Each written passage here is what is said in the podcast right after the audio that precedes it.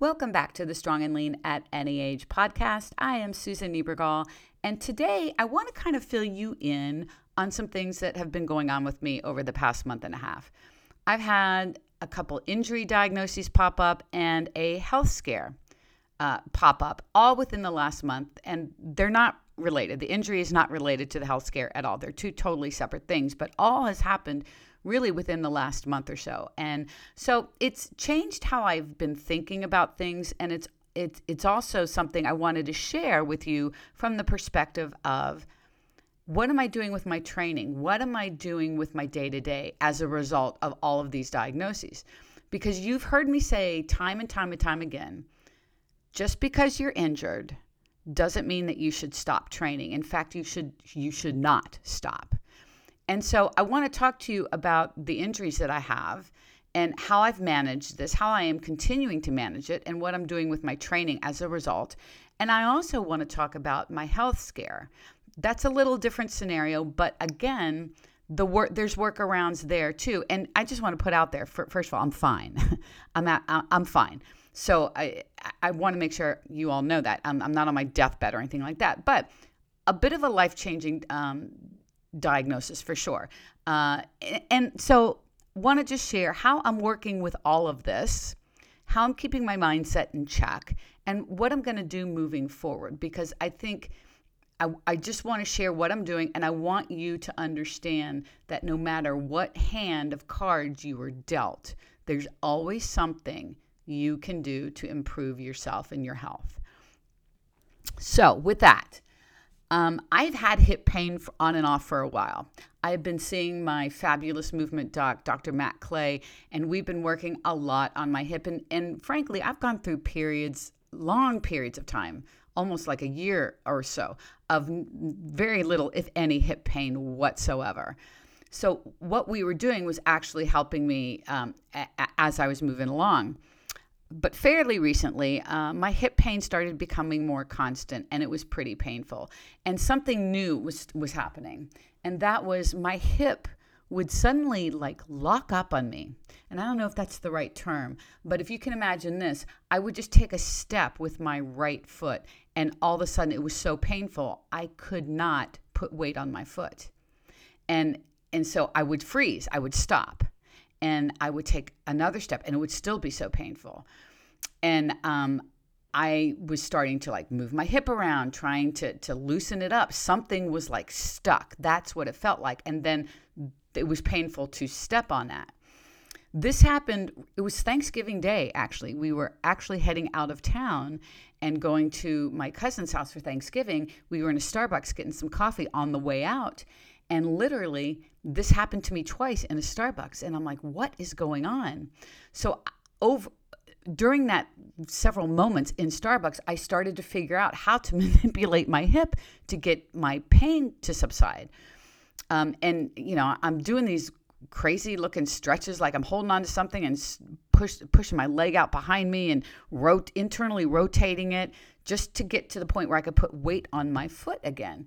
So bizarre and that worked and then i walked like a, i was like a normal person. There was no sign of anything. It's like what is going on here? That that was probably the straw that broke the camel's back for me. I hadn't had anything quite like that up until that point but this pain was sharp. It was sudden onset. I couldn't figure out why if i did something wrong or or anything like that. You know the questions that you always ask in your head. I did in a public place figure out how to get out of it. So at least I knew that. But now my mind was like, why is this happening? What is going on? There is something going on in my hip. This is this didn't feel muscular anymore or anything like that. And so um, it really made me start to wonder. I wanted to know why. And up to that point, I had not had any tests done. I had not had anything done. So um, I asked to get an x ray, and my doc said, of course. So went in and got an x ray.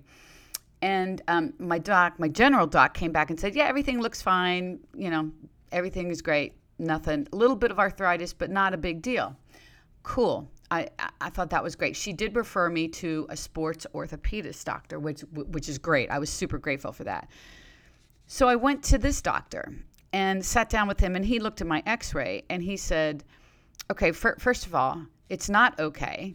You have a very significant bone spur um, on, on this x ray. And he pointed out where it was to me. And I'm like, wow. I took a look at it, and I really don't have any background on bone spurs, but f- from what I'm told, bone spurs are usually not pointed. Like mine, when he showed me mine, mine had a distinct point on it, very small point, sharp looking point, which now makes total sense to me on why I was feeling the type of pain I was feeling. My pain felt sharp and pointed. This is exactly what I was seeing on the x ray. And the doctor went on to say, This is pretty impressive because you rarely ever see a bone spur with that kind of point, such a significant point on it. And so thinking, wow, okay, this makes so much more sense now. I don't I don't know about you, but I like to know why on a, on so many things. And when I know why, I feel like I am a better patient. I do things the way I'm supposed to be doing. They make more sense to me, and I'm more effective with doing whatever I need to do when I know the why. So this was starting to make sense to me. We talked about treatment for it, and he said, you know, we could go in there and shave it down, but it's probably going to come right back.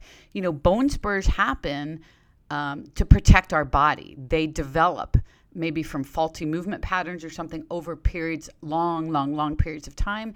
And they're there as a protection. Uh, he said, and it's probably going to come back.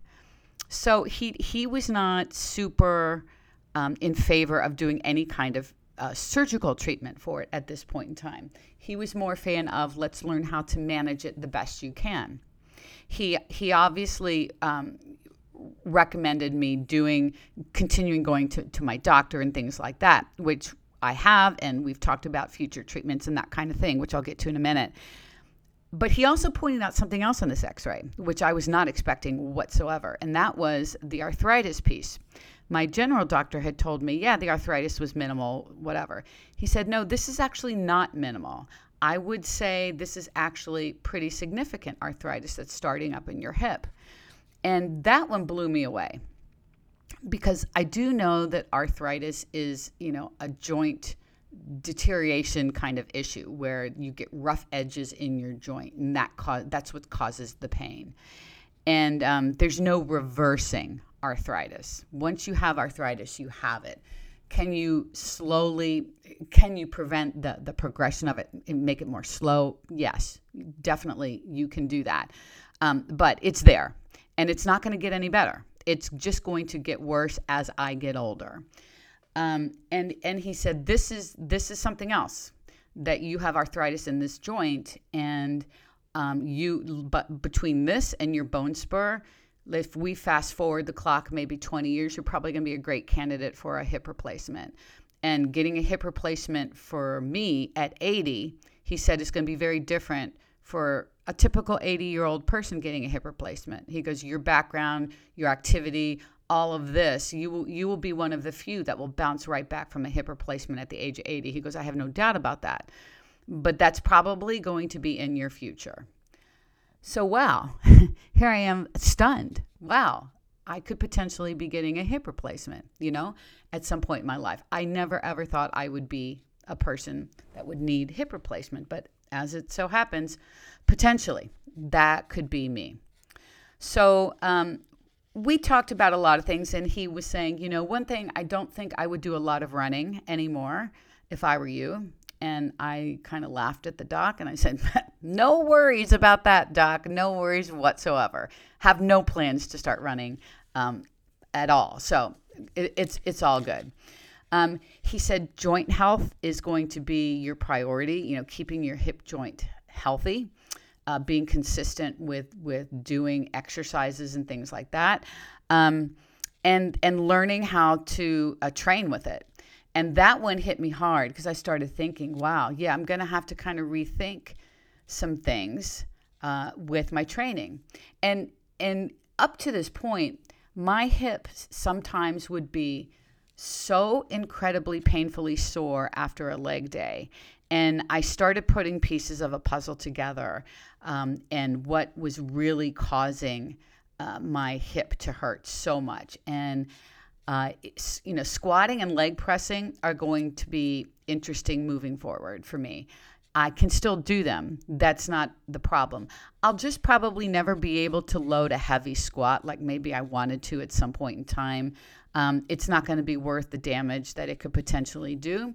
But what I have learned in this short time uh, that I can do, uh, and it feels great actually, is I am slowing my movements down. I'm adding tons of long pauses.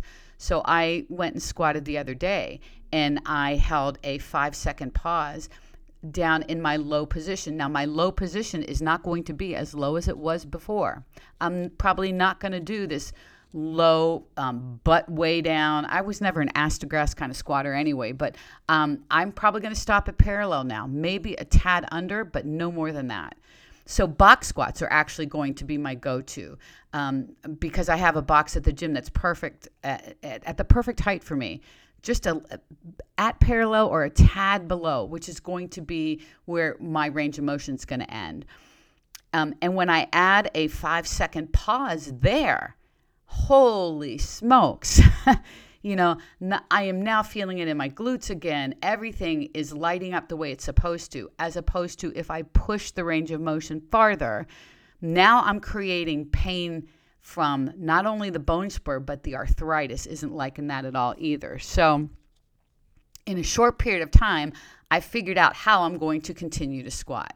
And the same thing with leg press. You know, when you do a leg press, you're bringing your knees into your chest. And obviously, you don't want your butt to come off the, the chair that you're sitting in um, and your back to pop up and all that kind of stuff and and you only bring your knees in to the point where you can keep everything intact with the chair your form is still good. Well bringing your knees in is putting my hip in a precarious position and it was very very painful after i would try just doing a normal leg press with with any kind of weight. It didn't matter. Obviously the the heavier the weight the more painful this became so I've learned now with leg press, I bring my knees to 90 degrees. That's it. That's it. So my hips are in a nice, strong position. I'm lining up my feet in a good spot that feels good to me. Um, I have done narrow stance, uh, leg press, and stop at 90 degrees, and I've done wider stance, and really, they're both okay if I stop at 90 degrees. So when I'm bringing the weight down, I stop when my knees reach 90 degrees. I add a two to three second pause there and I push the weight back out. I'm able to actually load this surprisingly pretty well, um, which is great. So I'm sharing that part because I want you to see how I've already immediately adjusted how I can still squat it doesn't look like somebody squat who's going up to a squat rack and squatting just ass to grass kind of depth and coming back up. Yeah, I'm not doing that. I'm not doing that at all anymore. I'm done with that. Um, this injury is dictating that. And you know what? I'm okay with this because I found a way to be able to load a squat and feel it the way I want to feel it, strengthen my hips, and be able to still do what I want to do. You know? Um, so that has really, really helped uh, my mindset is being able to alter a couple things and figure it out and, and still do it. Other than squatting, there's nothing that I've been doing that has been hurting my hip. I can Bulgarian split squat. I can lunge. I can uh, do any kind of deadlift and RDL and, and, and anything like that. Nothing has caused the same kind of pain as squatting or a deep leg press or anything like that. So I took the time to figure that out. So now my training with regards to my hip hasn't really changed at all. Uh, I, I am accessing every single thing I, I need to access. What I'm adding to my training uh, is in between sets, I am doing some exercises that my movement doc gave me, um, and just just to keep my hip loose uh, and and doing some joint friendly things in between sets. I've added those in regularly now. I think that makes a significant difference for me as well. Now my hips still get sore, but I I certainly know the difference between pain and just soreness because I worked it right. Um, and I think it's really important for all of us to know there's a big difference between pain and be and discomfort and soreness. Discomfort and soreness is fine. Sharp pain is not. So I I have found for now the workaround for uh, my bone spur and my arthritis. And you know, as as time goes on, my doc we did talk about potential cortisone shot to my hip should my hip start becoming very painful again. Um, and I know a lot of people out there is like, "Ooh, don't do cortisone shots." And let me tell you something uh, about that. And my doc and I had a good conversation about cortisone shots.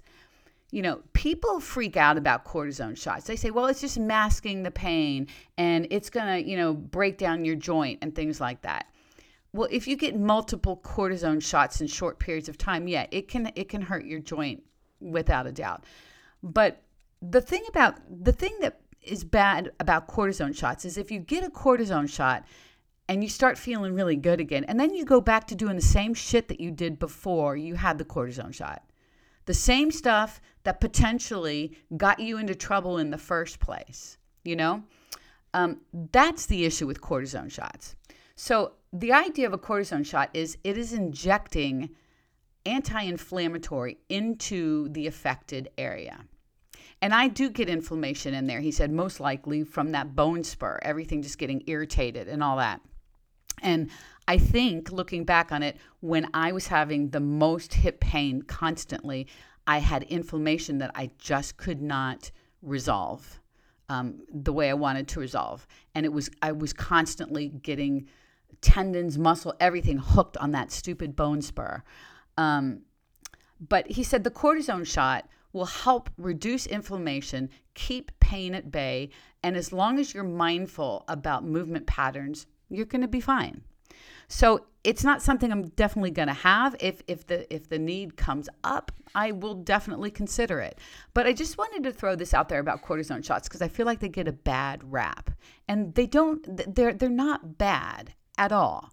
And I think if you handle it properly after you get the shot, they can be extremely beneficial. So it's definitely something that's uh, on the list of possibilities should I need it.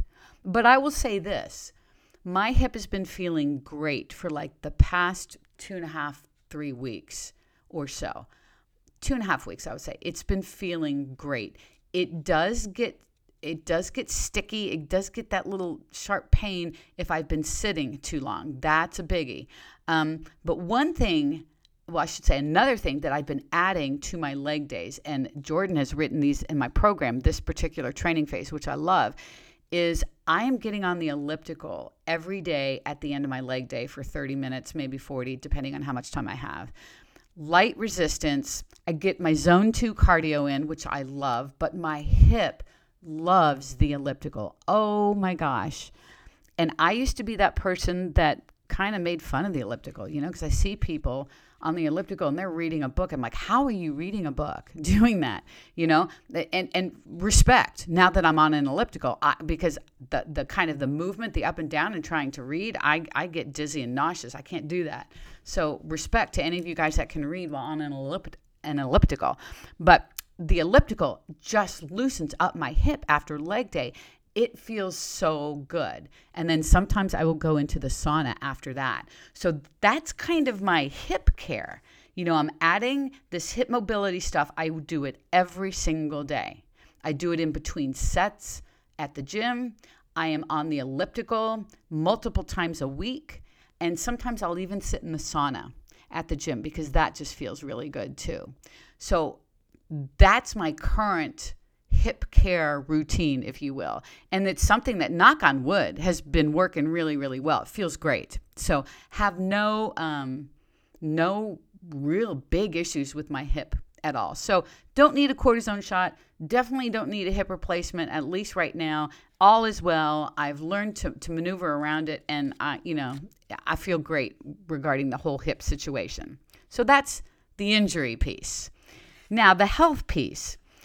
Interestingly, one night uh, right before Christmas, I was sitting at the kitchen table doing some emails, and all of a sudden, my heart rate went skyrocketing. It felt like my heart was pounding through my chest. It's like, what the hell is going on with me? So I thought really quickly to get on my Apple Watch and use the ECG feature, their little mini EKG kind of feature that the Apple Watch has. I got a recording of this uh, episode, and the watch came back saying, This is atrial fibrillation. You need to go see your doctor. I'm like, Whoa, whoa, whoa, whoa. That's crazy. So I was able to send that report to my doctor, which is insane, by the way. The technology, I know, is not like, you know, perfect, I'm sure.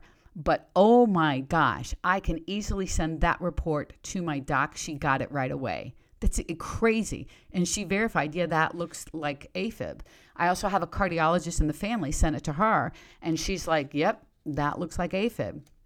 So uh, my doctor said, we want you to come in, let's do some tests, blah, blah, blah. And I'm like, it's like, Chris, it's almost, it's the day before Christmas Eve office hours cut down. Then there's Christmas Day, no one's open. And then there's a weekend. So it would be another like four or five days before anybody could even see me. So I went into um, my, my health insurance is Kaiser Permanente. I love them. And they um, have like an urgent care hospital right near us. So that's where I went and they took uh, my vitals. They gave me an EKG right away, and they took my blood pressure, and my blood pressure was through the roof. That was completely mind blowing to me because I've never had a history of high blood pressure, but it got their attention. Uh, and then I had the EKG, and my EKG was abnormal. That got their attention. So then they sent me back to the hospital side where they said, okay, we want to give you a chest x ray and we want to do some blood work. Okay, cool. So we're doing all this at, at a snail's pace, too, I might add. Got the chest x ray. Everything from, a, from, from what the x ray would show was normal, which is great. Um, the blood work, however, not all of that came back normal. Um, there was one test that they did that was looking for blood clots, actually. If this test is elevated, if the results come back elevated, that could potentially mean you have a blood clot. Um, it may it doesn't guarantee that you have a blood clot, but when it's elevated, that means you need to do some more investigating. So when I heard that, my heart literally stopped. I'm sure. I'm like, what? Because the biggest thing that they are concerned about with atrial fibrillation is blood clotting. And so, to tell you a little bit for a second here, what is AFib? Um, basically what happens with AFib is when your heart's pumping around, you've got upper chambers in your heart and lower chambers in your heart. And the upper and lower chambers work together in sync to pump blood through the heart, through your body, all that. AFib happens when the upper chambers beat irregularly, they kind of quiver and they don't pump all the blood to the lower chamber, causing some blood to pool and potentially could form clots. And that's the concern with afib is that since not all the blood's being pushed through like it should some blood is just sitting around and that blood could potentially clot and that clot could go to your brain could go to your heart could go to your lungs could go anywhere. And that's what they're always afraid of with atrial fib, fib I can't even say it fibrillation. Um, and you know when when the clots break and go they can cause a stroke so, stroke is probably the biggest thing that they're worried about w- with AFib. So, because I had that blood test that was elevated levels, um, they wanted to do a, a, a CT scan of my heart that would show if there are any clots forming. And so I had the CT scan, which came back clean, which was great news. So I didn't have any blood clots, which was great. Um, but as a result of this whole thing, I am now on um, kind of AFib alert. Like it's now a thing for me. This isn't a one and done. Like, oopsie, it happened and it's over. Evidently, that's not how this works. Um, so now, AFib is now a thing with me, something I have to monitor, something I need to be aware of, and something I have to treat. So I have been put on a beta blocker medication, which is designed to keep my heart rate down so that if AFib happens, my heart rate doesn't go out of control. Um, that's the purpose of the medication. I'm also taking a baby aspirin. uh, to keep the blood at a very, it's like a low level blood thinner. You know, there are prescription blood thinners that you can go on. They didn't want to put me on one of those. If, if, if I continue to have AFib incidences pretty regularly, they will probably want to change that. But for now, I'm taking a baby aspirin as the lowest level blood thinner that you can take, um, just to keep clotting at a minimum, if not gone, right? That because the last thing I want to do is to have blood clots. Um, so the whole thing with this AFib, you know, I don't meet most of the the the risk factors. You know, I asked my doctor about this. So what is the deal with AFib? Like, how did I get it? What what is happening? And um, it's not uncommon for people as they get older. In fact, I had a cardiologist tell me that some people live in AFib like regularly, like their heart's always doing this kind of crazy ass stuff. I'm like, how do people live like that? Mine lasted 30 seconds, and I thought, whoa, what is this? Um, but evidently, it happens. Um, people live with this and live in this condition all the time. But age is a factor. It's very common as you get older. It, it's not uncommon at all. I had no idea, to be honest. Um, if you have high blood pressure, you are at risk. Up to that day, I had not had high blood pressure. And now I have to monitor my blood pressure every single day. Um, and it is generally doing really well. And the medication that I'm taking helps with that as well. Um, so all, all is well there. But that came out of the blue. Um, heavy alcohol use can kind of trigger episodes. I'm not a heavy drinker, so I don't check that box. I don't have heart disease, which is kind of what they're looking for primarily at the beginning for this. Don't have a history of that. Prior heart attacks, never had that. Smoking, don't smoke. Obesity, I'm not obese. Overactive thyroid, I certainly don't have that. So I don't really check the boxes except the age factor, and maybe I just drew the straw. You know, I don't know. Um, so all of that's being monitored. Um, and, and honestly, it has uh, really changed my outlook on a lot of things. When you get a diagnosis like that and involves your heart, it can be super scary. And I was terrified. I will tell you, I was terrified, especially when they were looking for blood clots because I understood the significance of that. And I was relieved when they hadn't found any. Um, learning more about AFib by talking to a cardiologist and talking to my family member who's a cardiologist, I've learned a lot. And this is, is a condition it's something that I will be living with. It's something that should not affect my day to day living, which was something I was really concerned about. Like, do I need to be concerned now about my heart rate and, and working out and things like that? And no, I, I, I really don't. I am, though, putting heart health, overall heart health, at the top of my priority list moving forward, especially for this coming year. That is my top goal is to maintain and improve heart health. So that's why I'm doing this um, this zone two cardio after my leg day on the elliptical. I'm actually adding the elliptical uh, in some low intensity cardio um, a couple other times a week. I'm riding my bike at home in low impact Peloton classes. Those of you that have the Peloton app, you know the classes I'm talking about. I am not doing the high interval, the high, the speed classes. I'm not doing any of that crap. I am doing low impact classes, which actually feel great to me. Um, my heart rate does get up, but what's been interesting about working on heart rate is how much it improves so quickly. Um, when I first started doing Peloton low impact classes, my heart rate would skyrocket uh, pretty easily. Now, not so much. Like I, it, my heart has improved the more I've been doing these. And so that's really cool to see. Um, I've never been a cardio person. I truly, honestly, if I'm being super honest, I don't like it. Um, I consider it pretty boring. I know you can put on podcasts, I know you can watch things or do whatever. It's still not fun to me like lifting is. But I have a whole new outlook on it now. It is something that I'm learning to like. Uh, maybe uh, instead of hating it, I'm learning to like it. Not love it, but I'm learning to like it, which is cool. Um, and I'm doing it regularly. And uh, I, I actually like doing the elliptical and my bike better than walking. I know there's a big thing with steps, and steps are great, and and I'm not anti-step by any stretch of the imagination, but I'm not counting steps. I'm not trying to get 7,000 steps because I'm not walking. I don't want to walk. I want to do the elliptical, and you know, steps count on the elliptical on your counters. The the motion will will will pick will be picked up. So, whatever. I am just trying to move and keep my heart in a decent uh, zone, zone two, sometimes three, um, and do this regularly moving forward.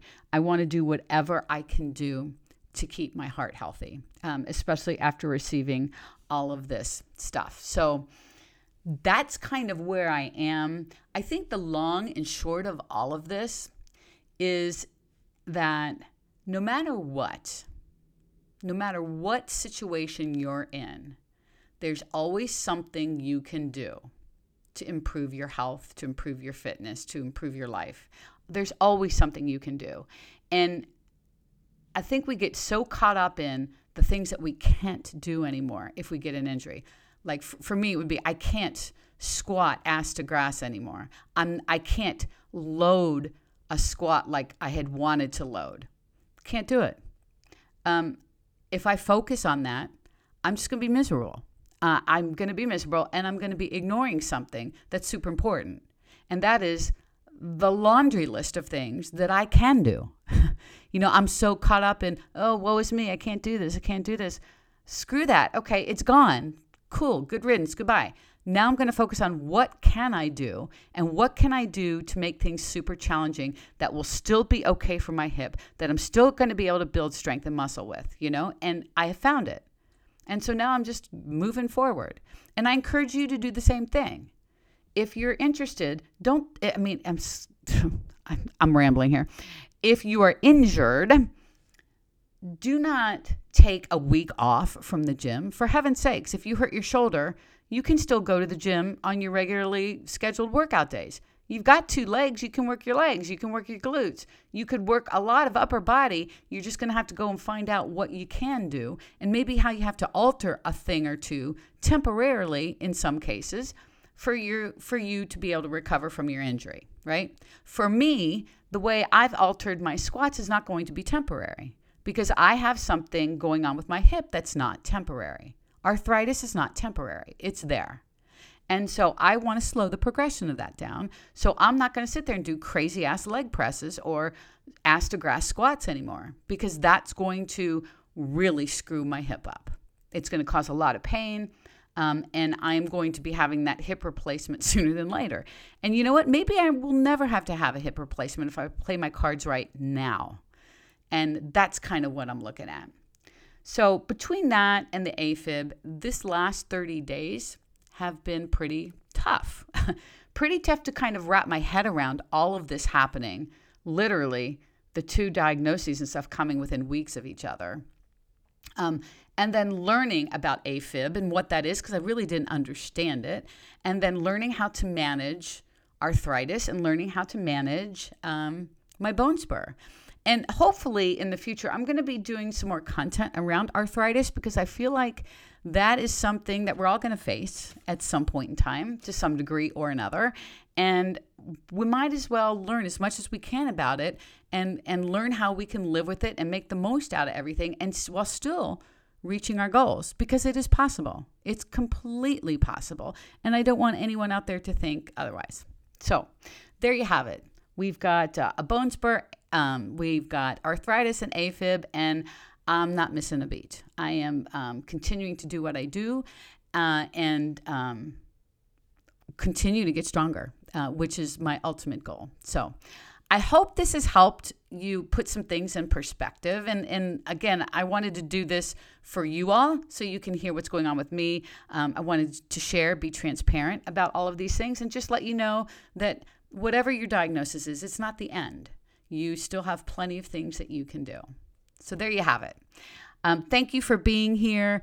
Uh, and if you would like to join us in the inner circle, Jordan, I would love to have you join us there. An incredible group of people with the support system that you probably never had. Um, structured workouts, easily modifiable for home. We've got home workouts as well nutrition guidelines for you. We've got everything and a brand new app. So if you would love to join us there, we would love to have you. Um, I will put how you can uh, join us in the show notes. So thank you as always for being here. Take care and have a marvelous day.